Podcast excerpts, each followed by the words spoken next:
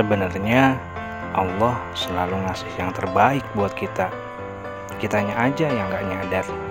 Banyakan ngeluh, malah salah menilai takdirnya. Apalagi saat kita dikasih ujian yang gak ngenakin kita. Kita sedih berpanjangan, kita kesal gak habis-habis.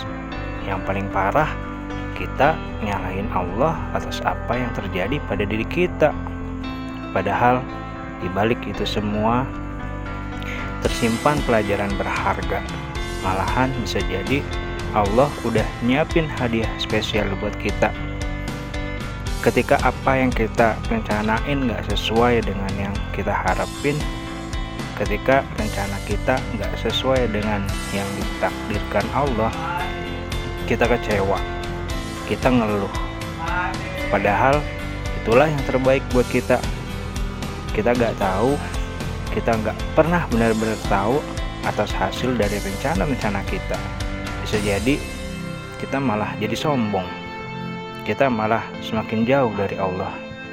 Jadi Allah selalu ngasih yang terbaik buat kita.